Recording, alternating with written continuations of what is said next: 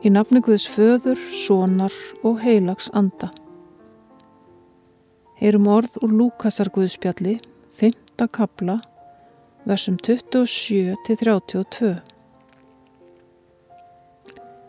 Eftir þetta fór Jésús út. Þá sá hann tollimtumann, lefi að nafni, setja hjá tollbúðinni og sagði við hann. Fylg þú mér. Og hann stóð upp yfirgaf allt og fyldi honum.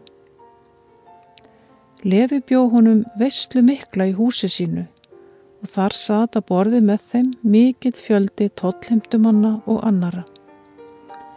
En farisegarnir og fræðumenn þeirra vönduðu um við lærisveina hans og sögðu Hvers vegna eti þið og drekki með tollhemdumönnum og ber syndugum? Og Jésús svaraði þeim Ekki þurfa heilbreyðir læknis við, heldur þeir sem sjúkir eru. Ég er ekki komin til að kalla réttláta til afturkvars, heldur syndara. Við skulum byggja.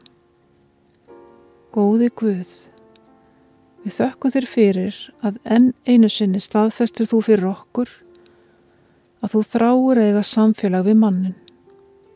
Það var tilgangurinn með lífið þínu dauða og upprissu og fyrir þér eru allir jafnir.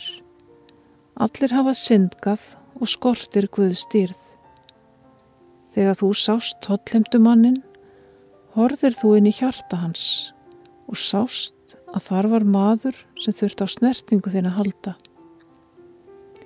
Við þökkum þér fyrir að þú dæmur okkur ekki og við hljótum náð fyrir augum þínum Þessa óendalegu náð sem gerir okkur mögulegt að elska þig og fylgja þér og vera nálat þér í heilarleika þínum.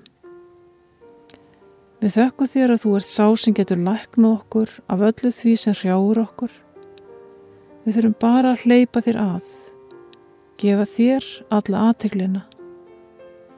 Hjálpað okkur til að bregðast fljótt við eins og lefi þegar að þú kallar okkur til fyldar við þig. Í Jésu nafni. Amen.